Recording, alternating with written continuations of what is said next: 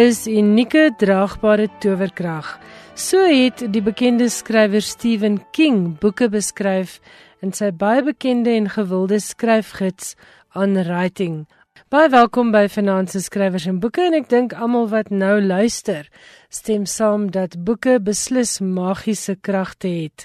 In Finansies program word daar weer gesels oor 'n lekker klomp uiteenlopende boeke. Ek gaan die aand afskop met 'n gesprek met Annelies Slabbert oor haar biografiese lekker leesboek 'n luiperd in my bed en daarin skryf sy oor hulle 7 jaar in Botswana 'n baie baie lekker boek wat vir my laat voel het asof ek op 'n lang vakansie was. En in Johan Meiburg se insetsel kan jy onder meer luister na 'n argiefopname waarin T.S. Eliot self een van sy gedigte voorlees.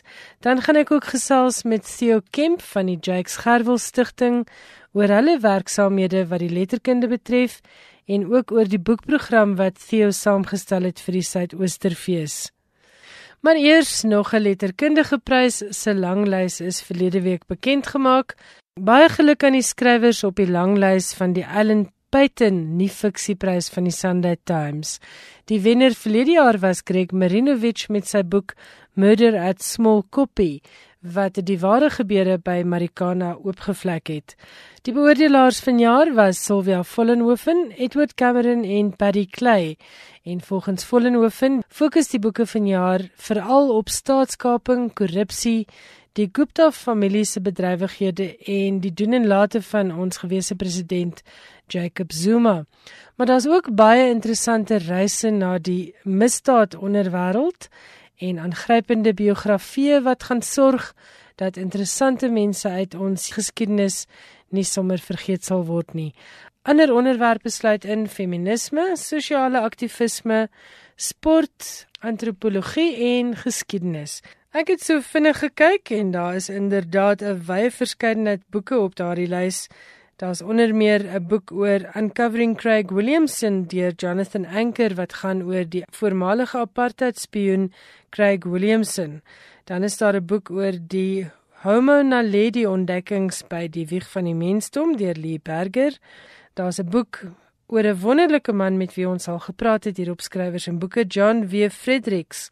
En die boek is Scully One Man's Struggle to Survive by Telling Stories. Tuli Madonsela se biografie is op die lys. Pieter Louw Meiberg wat so 2-3 weke gelede hier op skrywers en boeke gesels het oor sy boek The Republic of Gupta: A Story of State Capture. Geluk met jou boek wat ook op die langlys is en natuurlik ook baie geluk aan Jacques Pau met The President's Keepers. Ek plaas die volledige langlys vir hierdie Ellen Peyton Sunday Times toekenning op RSG se webwerf. Gaan loer gerus daar. Nou is dit tyd vir ons hoofonderhoud. Ek gesels met Annelies Slabbert oor haar boek 'n luiperd in my bed. Lekker luister.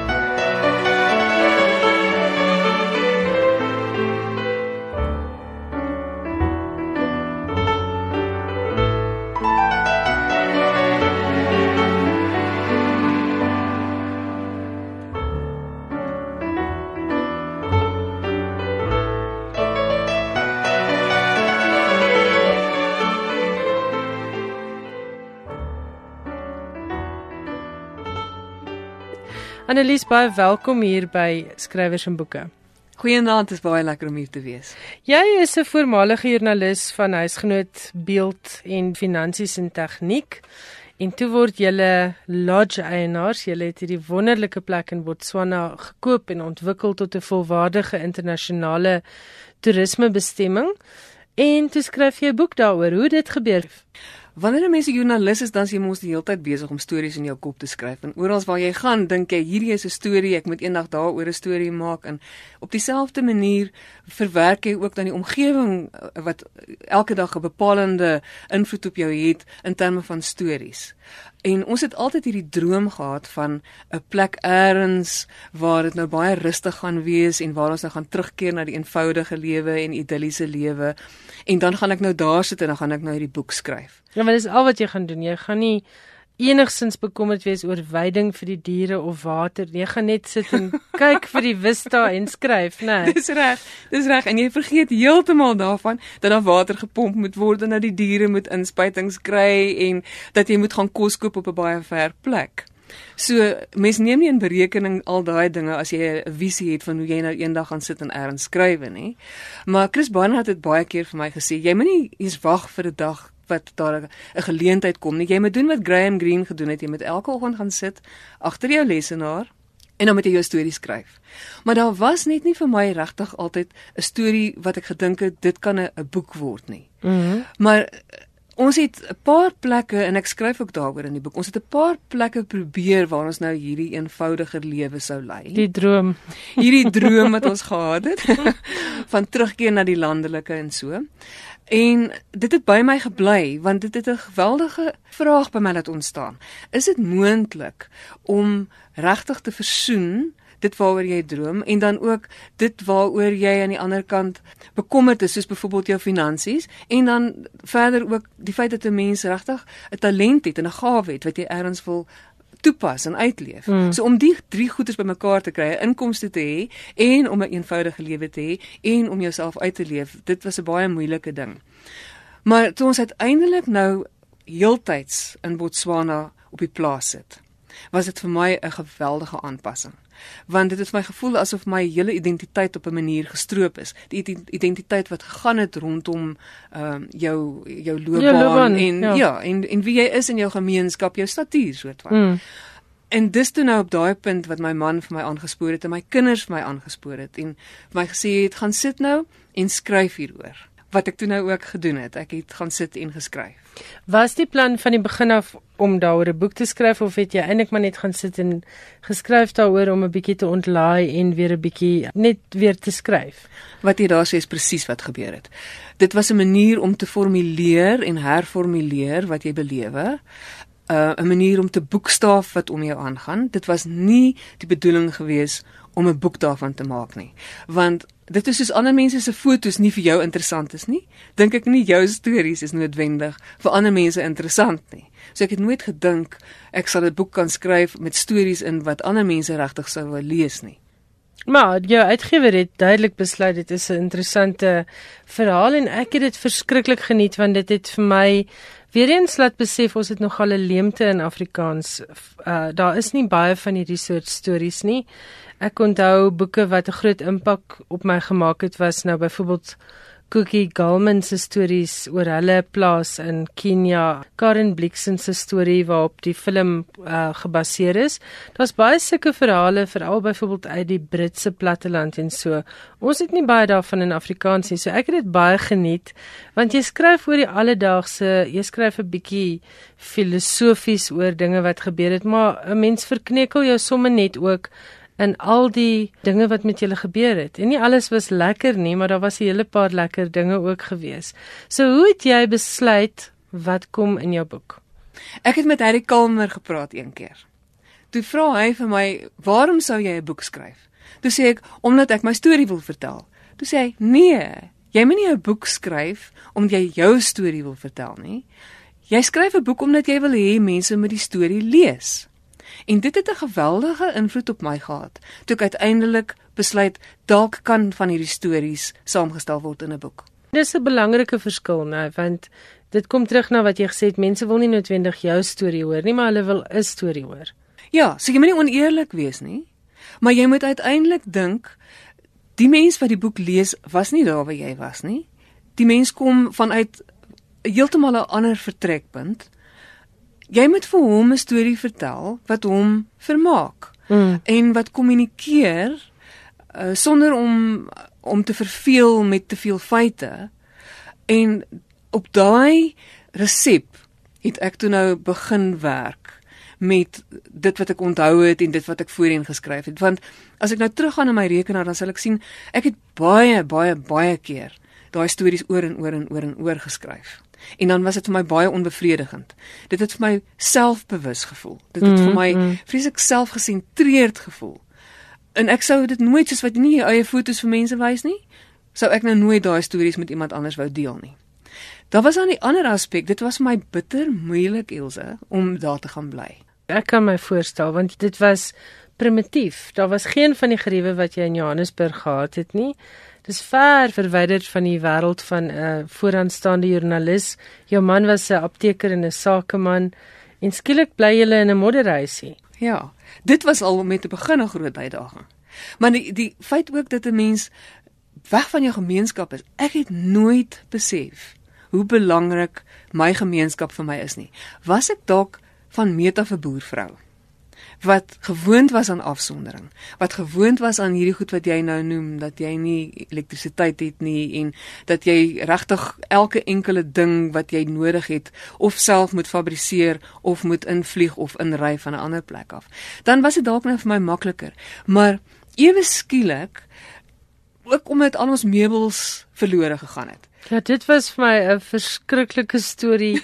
dit was baie amusant, maar ek kan my net dink hoe ontredderd en ontheem voel voel 'n mens as jy niks oor dit van jou vorige lewe nie. Want die treklorry het die verkeerde goed vir julle gebring ja. en die maatskappy het nooit julle goed opgespoor nie. Nooit. Ja. Jy het dit wonderlik vertel want 'n mens kon 'n klein bietjie glimlag ook daaroor alhoewel ek baie diep onder die indruk was van julle verlies.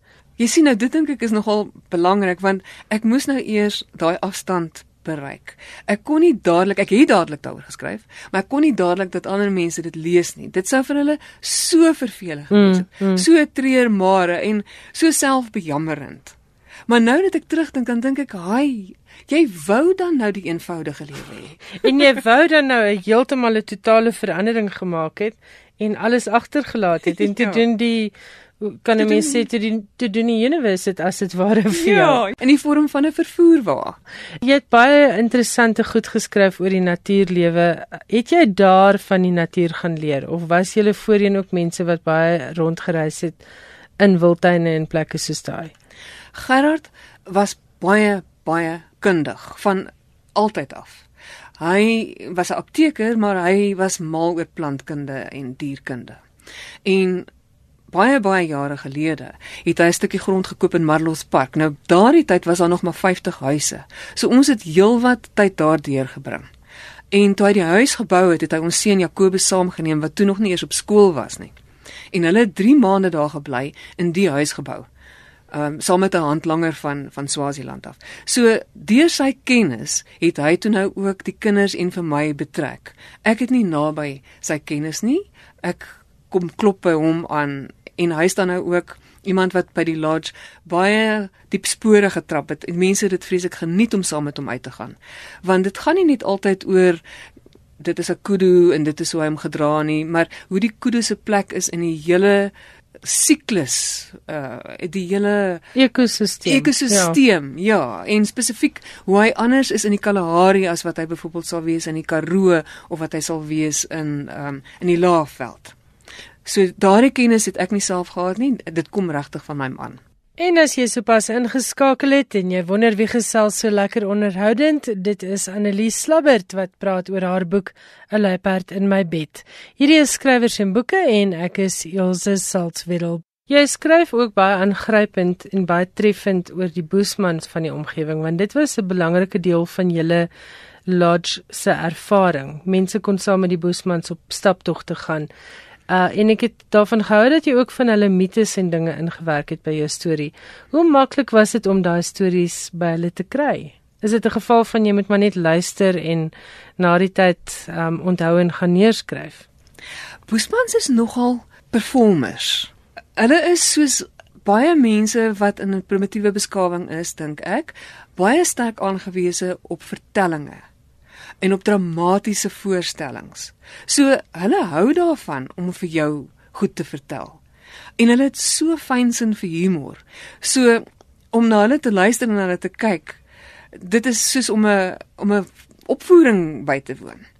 En hulle het nou van daai stories het hulle vertel sommer vir ons so terwyl hulle saam met hulle werk terwyl hulle in die veld was. En dan hou jy hulle ook dop wanneer hulle vir mekaar stories vertel. Jy sal nou dink hulle woon nou al soveel jare saam. Want baie, baie van hulle wat daar's is 20 jaar lank nou al daar. Ja, en is familiegroepe wat mekaar van geboorte af ken. Absoluut en hulle ja. is 'n familie van mekaar. So jy sal nou dink hulle sal nie vandag iets nuuts sê om vir mekaar te sê nie.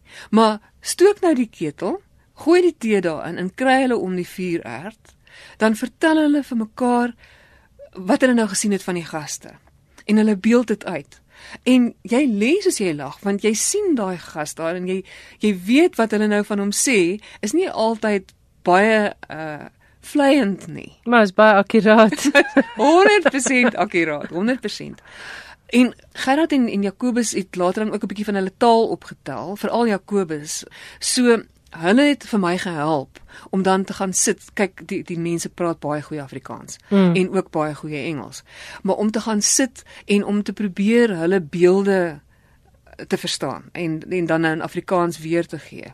Ja, want dit is wat jy mooi gedoen het. Jy het van hierdie mites en simboliek en dinge het jy pragtig vasgevat. Die storie oor die haas in die maan byvoorbeeld. Ja. Dit was die eerste keer wat ek daarvan gehoor het. O, dit is nogal goed. Ek is dan bly dat dit nie vir jou bekend was nie. Nee, dit want was... dit is 'n is 'n baie uh jy kan dit verstaan, nee, want as jy kyk na die maan dan lyk hy regtig net soos 'n haas. Ja. Sê vir my, was dit vir jou moeilik om weer aan die skryf te kom? Want toe jy hier weg is, is jy uit journalistiek uit, né? Nee. Jy het nie um, nog daarvan af byvoorbeeld gevryskit vir 'n tydskrif of so iets nie. Jy nee, het gaan nee. oorleef en plaas opbou ja. en gastehuis regmaak en so. Ja. Dit was nie vir my moeilik nie.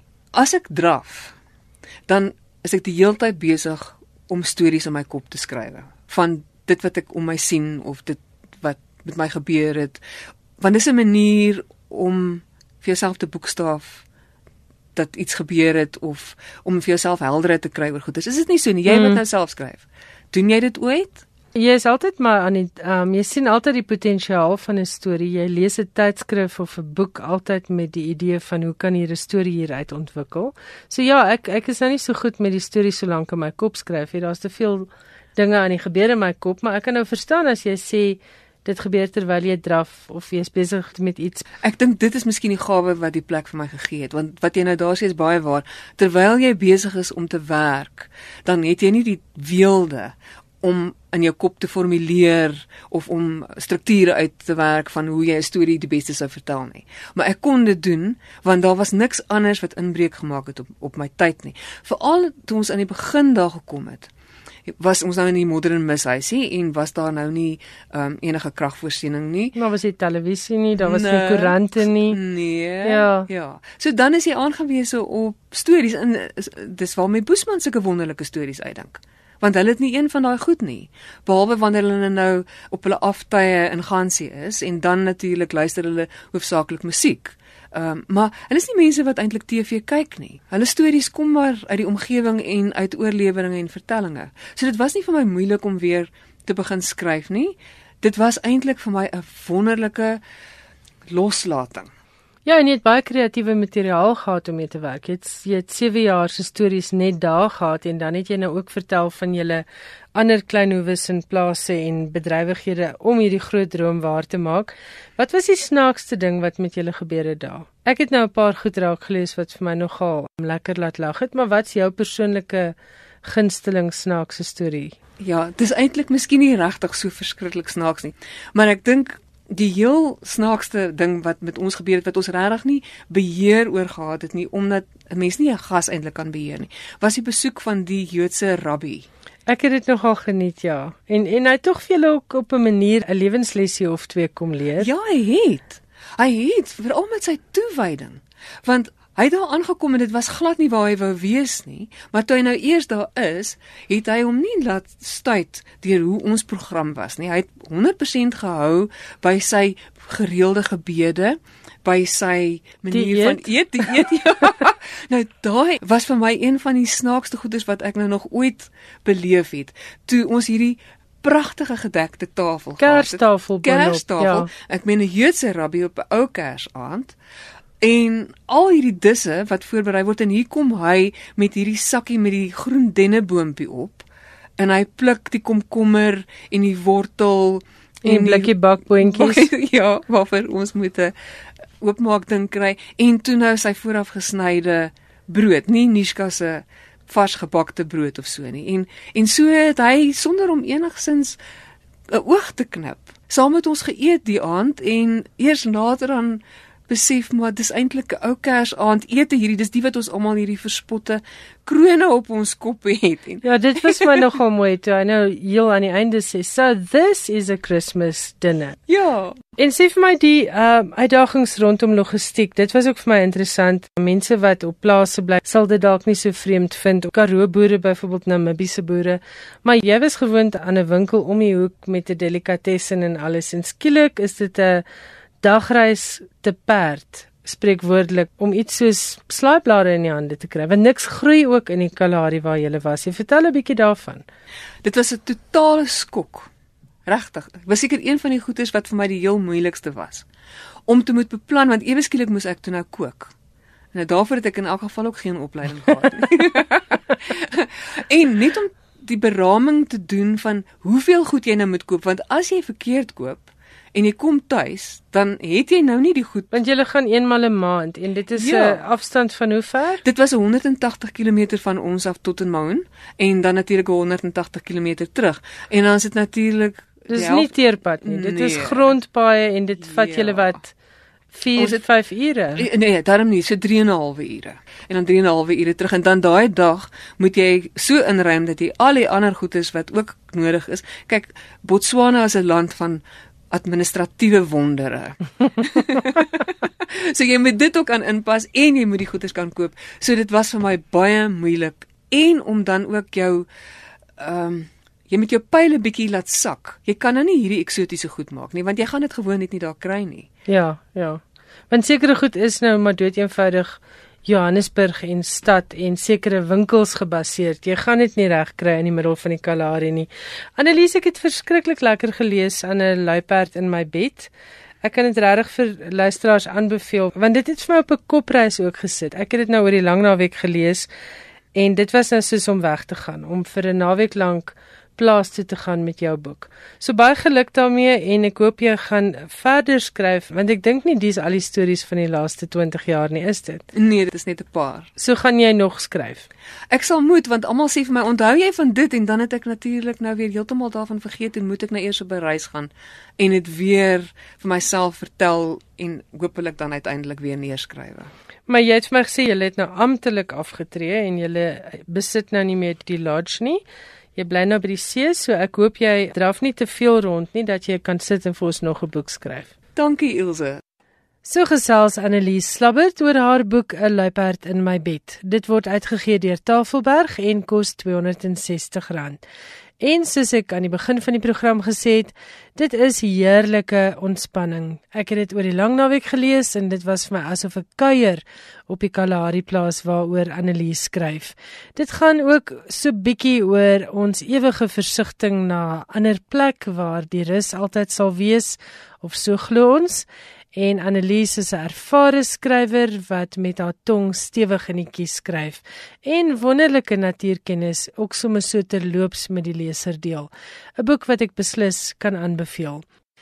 Ek gesels nou met Theo Kemp. Ons luisteraars sal hom dalk onthou as iemand wat betrokke was by die Breitenberg sentrum in Wellington en ook betrokke was by 'n kunstefees of twee se boekeprogram onder meer die Vrystaat Kunstefees.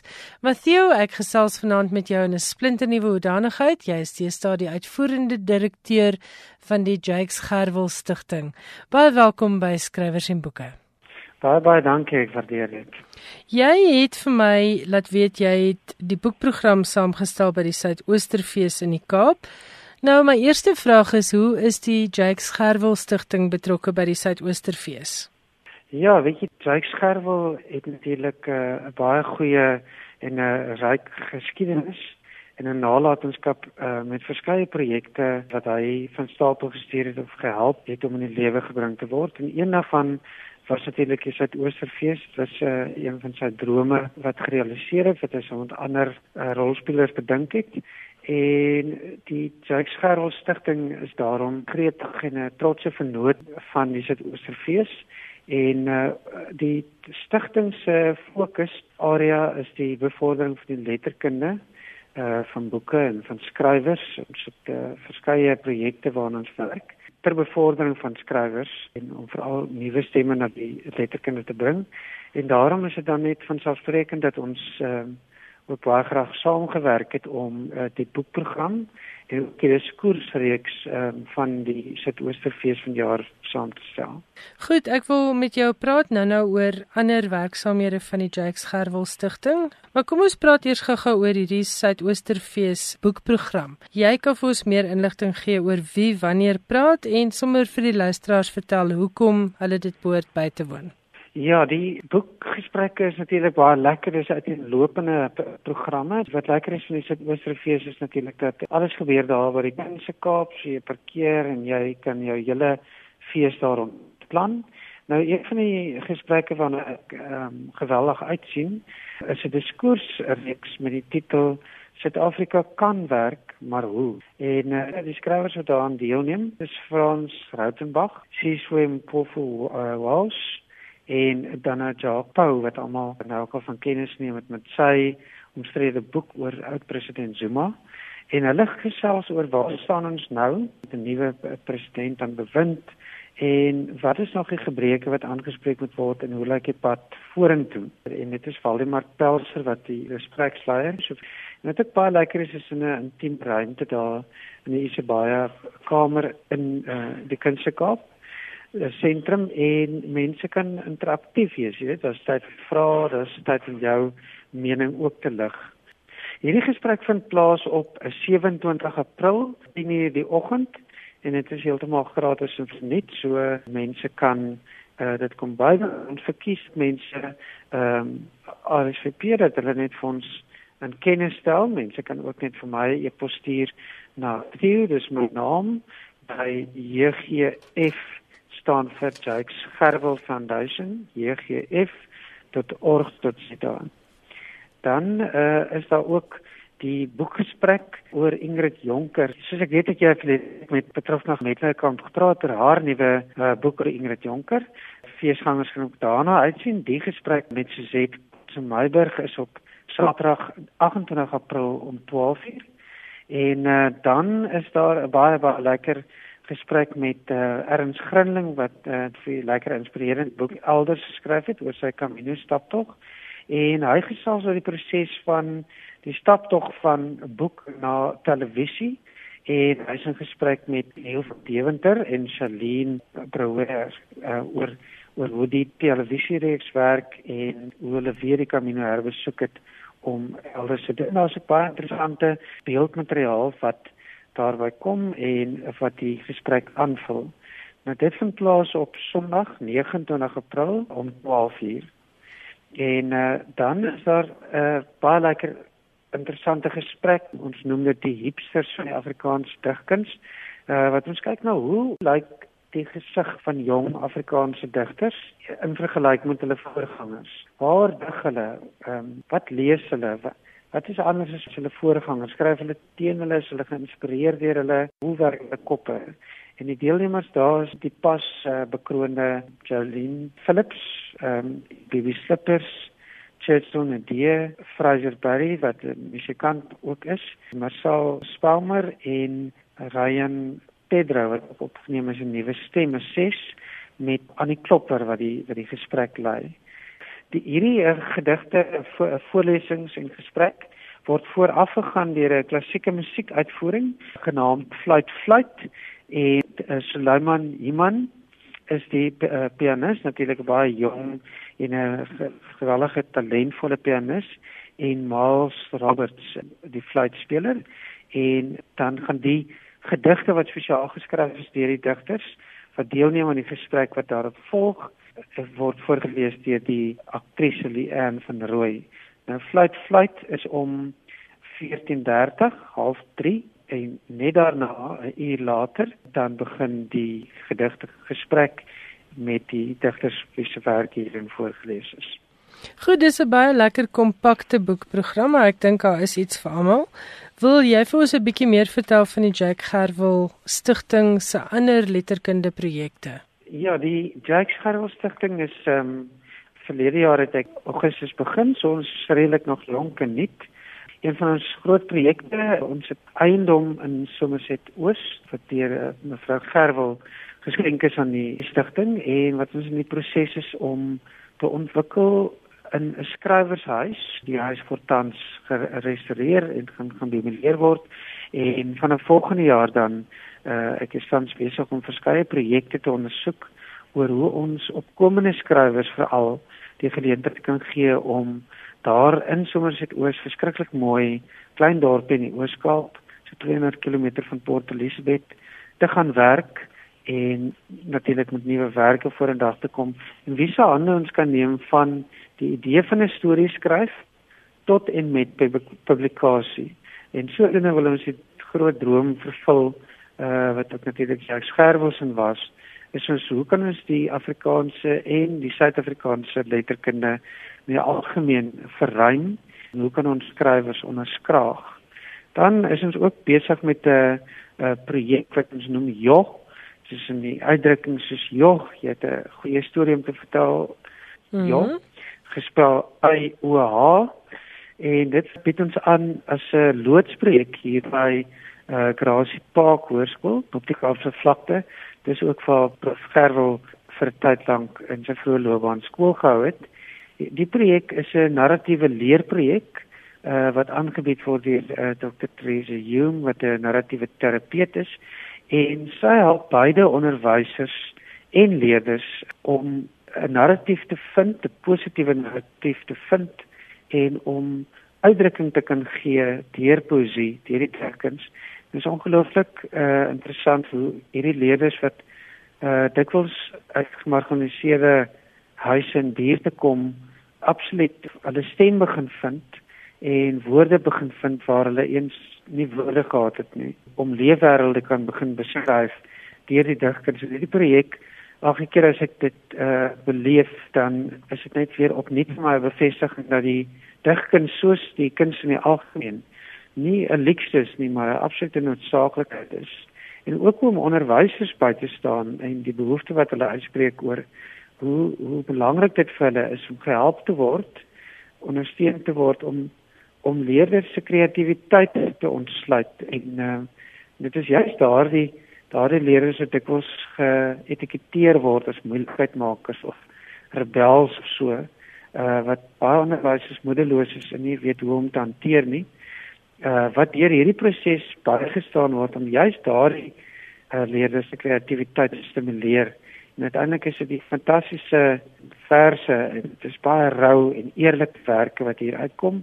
En nie noodwendig nou hogere poesie is nie, maar dit is egte gedigte en van dit kom uit as rymklets en uh, lirieke en dit is, is ongelooflik wonderlik om hierdie aansteeklike energie um, top te hou.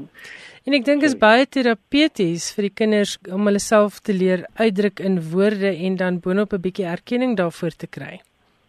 Ja, dit is absoluut wat ons waarneem en baie 'n groot deel vir hierdie projek gaan daaroor hoe ons getuie van al die stories. Dit was vir my so 'n meer lewende ervaring toe ek sien byvoorbeeld hoe die onderwysers wat gewoonlik met rondjaag tussen klasse en, en oorlaaiers met werk mekaar leer ken deur hierdie werkswinkels en ook die leerders die hoe hulle kan waarneem wat die invloed is van jou storie, jou gedig op ander mense se lewe. Hoe jy reageer daarop en hoe jy ook daarmee kan assosieer, hoe dit resoneer met jou.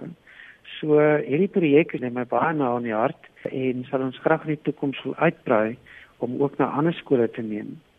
Ja, ek dink dit is 'n fantastiese idee. En in die pipeline is daar natuurlik hele ander projekte vennootskappe wat ons aangaan uh wat ons ook na skole toe wil neem boeke en skrywers om lees in die algemeen te stimuleer op 'n kreatiewe maniere en uh later in die jaar in November wil ons ook Jacques Scherwel se nalatenskap vier deur 'n dag van paneelbesprekings oop denke en verenigde gedagtes en afgewissel deur deur die digkuns um, en musiek so.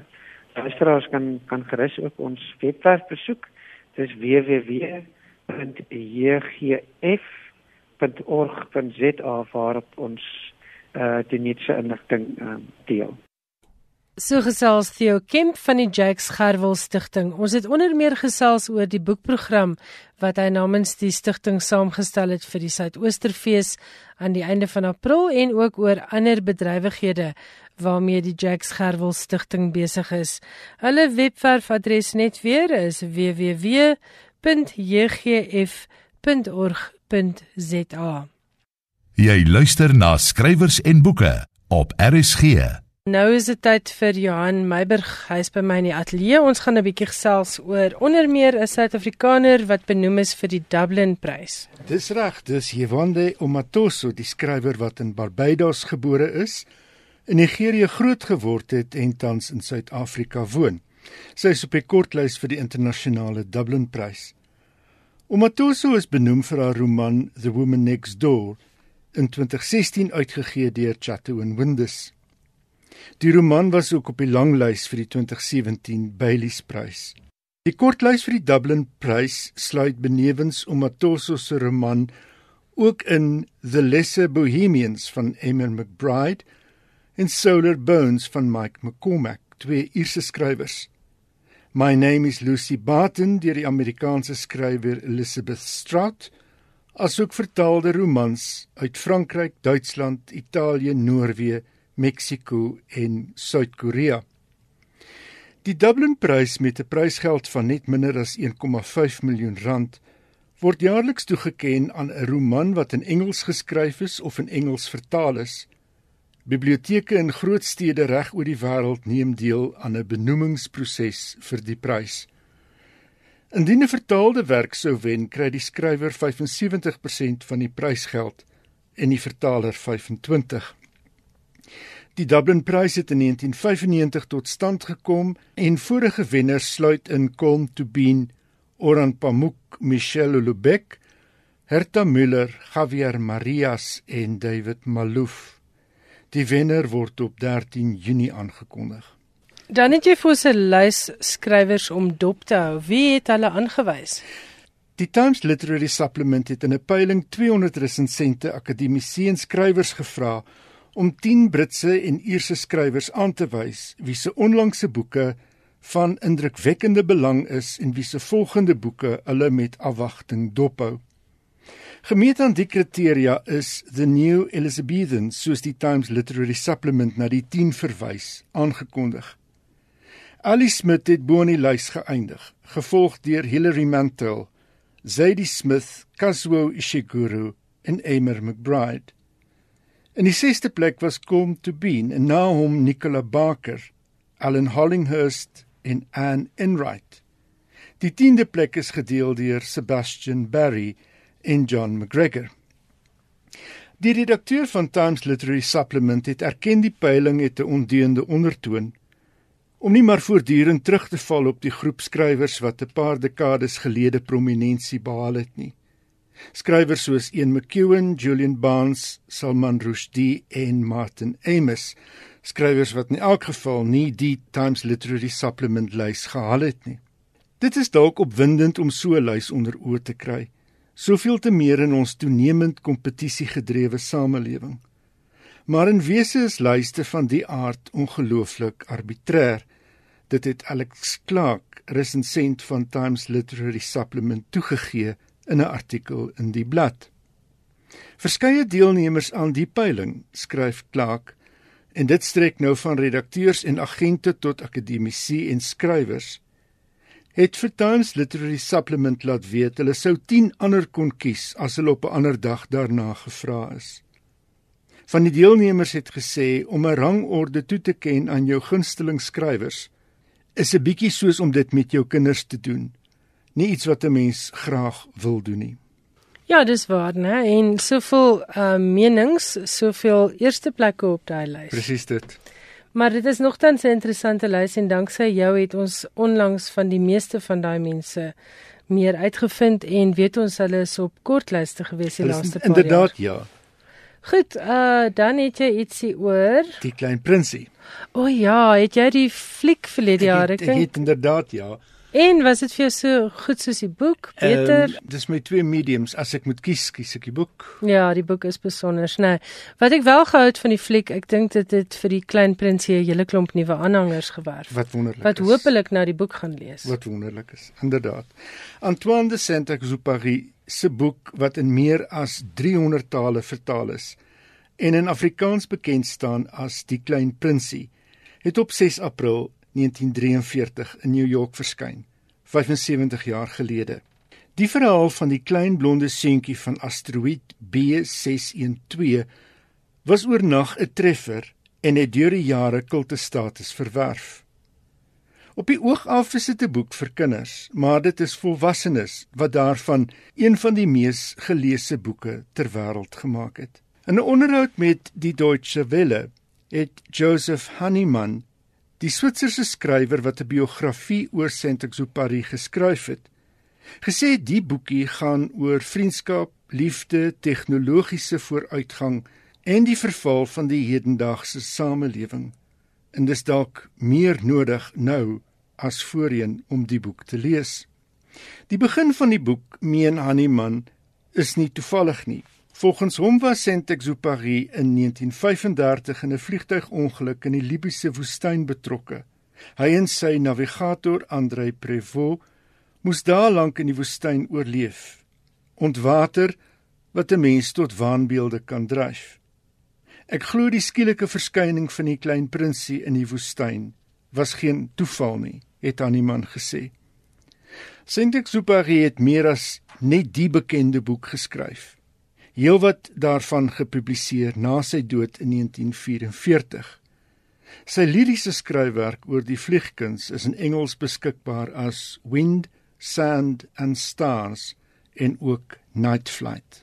Dis baie interessant. Ek het nie geweet hy was in 'n vliegtuigongeluk nie. Groot vlieënier gewees, ja ja. Goed, en dan het jy iets oor T.S. Eliot. Faber se audioboek met voorlesings deur Jeremy Irons van verse van T.S. Eliot is pas uitgereik. Betyds vir die noordelike lente en April volgens Eliot in the Wasteland the cruelest month. Die voorlesing sluit in Proofrock and other observations Poems van 1920, The Wasteland, The Hollow Men, Ash Wednesday and Aerial Poems, Four Quartets and Old Possum's Book of Practical Cats. The Poems of T.S. Eliot, read by Jeremy Irons, val saam met die 75ste herdenking van die uitgawe van T.S. Eliot se Four Quartets in 'n enkele band in die FSA in 1943. Met sy musikaliteit en ritme, klank en verwysings is The Wasteland 'n gedig wat vra om hardop gelees of beter nog voorgeles te word. En wie beter as Jeremy Irons? Dis nou Nas Eliot. Hier is 'n opname van Eliot wat die eerste deel van The Wasteland, The Burial of the Dead, voorlees. April is the cruelest month. breeding lilacs out of the dead land, mixing memory and desire, stirring dull roots with spring rain. Winter kept us warm, covering earth in forgetful snow, feeding a little life with dried tubers. Summer surprised us, coming over the Starnbergersee with a shower of rain. We stopped in the colonnade and went on in sunlight into the Hofgarten and drank coffee and talked for an hour. Bin gar keine Russin. Stamm aus Litauen. Echt Deutsch. And when we were children, staying at the Archduke's, my cousin's, he took me out on a sled and I was frightened. He said, Marie, Marie, hold on tight. And down we went. In the mountains, there you feel free. I read much of the night and go south in the winter. What are the roots that clutch? What branches grow out of this stony rubbish? Son of man, you cannot say or guess, for you know only a heap of broken images where the sun beats, and the dead tree gives no shelter the cricket no relief, and the dry stone no sound of water. Only there is shadow under this red rock. Come in under the shadow of this red rock, and I will show you something different from either your shadow at morning striding behind you, or your shadow at evening rising to meet you. I will show you fear in a handful of dust. Frisch weht der Wind der Heimat zu. Mein irisch Kind, wo weilest du? You gave me hyacinths first a year ago. They called me the hyacinth girl. Yet, when we came back late from the hyacinth garden, your arms full and your hair wet, I could not speak, and my eyes failed. I was neither living nor dead, and I knew nothing. Looking into the heart of light, the silence, öd und leer das Meer. Madame Sosostris, famous clairvoyante, had a bad cold. Nevertheless, is known to be the wisest woman in Europe with a wicked pack of cards. Here, said she, is your card, the drowned Phoenician sailor. Those are pearls that wear his eyes. Look. Here is Belladonna, the lady of the rocks, the lady of situations. Here is the man with three staves, and here the wheel. And here is the one eyed merchant. And this card, which is blank, is something he carries on his back, which I am forbidden to see. I do not find the hanged man. Fear death by water. I see crowds of people walking round in a ring. Thank you. If you see dear Mrs. Equitone, tell her I bring the horoscope myself. One must be so careful these days. Unreal city, under the brown fog of a winter dawn, a crowd flowed over London Bridge. So many I had not thought death had undone so many. Sighs, short and infrequent, were exhaled, and each man fixed his eyes before his feet. Flowed up the hill and down King William Street, to where St. Mary Woolnoth kept the hours with a dead sound on the final stroke of nine. There I saw one I knew and stopped him, crying, Stetson, you who were with me in the ships at Miley, that corpse you planted last year in your garden, has it begun to sprout? Will it bloom this year? Or has the sudden frost disturbed its bed? Oh, keep the dog far hence that's friend to men, or with his nails he'll dig it up again. You, hypocrite lecteur, mon semblable, mon frère. En dit was die stem van T.S. Eliot en hy het die eerste deel van sy epiese gedig The Wasteland voorgeles. Johan, weet jy hoe oud is daardie opname? Ek het vermoed dit kom hier uit die 40s. Sjoe, baie dankie dat jy dit vir ons opgespoor het. Dit was dan Johan Meiburg met sy baie interessante internasionale letterkunde insetsel. Tot volgende week, Johan. Baie dankie. Johan Meiburg se insetsel beteken ongelukkig ook altyd die einde van skrywers en boeke. Baie dankie dat jy weer 'n keer saam met ons hier voor die radio gekuier het. My e-posadres is skrywersenboeke@rsg.co.za en die SMS-nommer is 45770. Volgende Woensdag aand om 8uur maak ons weer so. As alles goed verloop, gesels ek met Rihanna Skeepers oor haar jongste roman Stormkind en ook met Bibi Slippers oor die rol van jong digters in Afrikaans.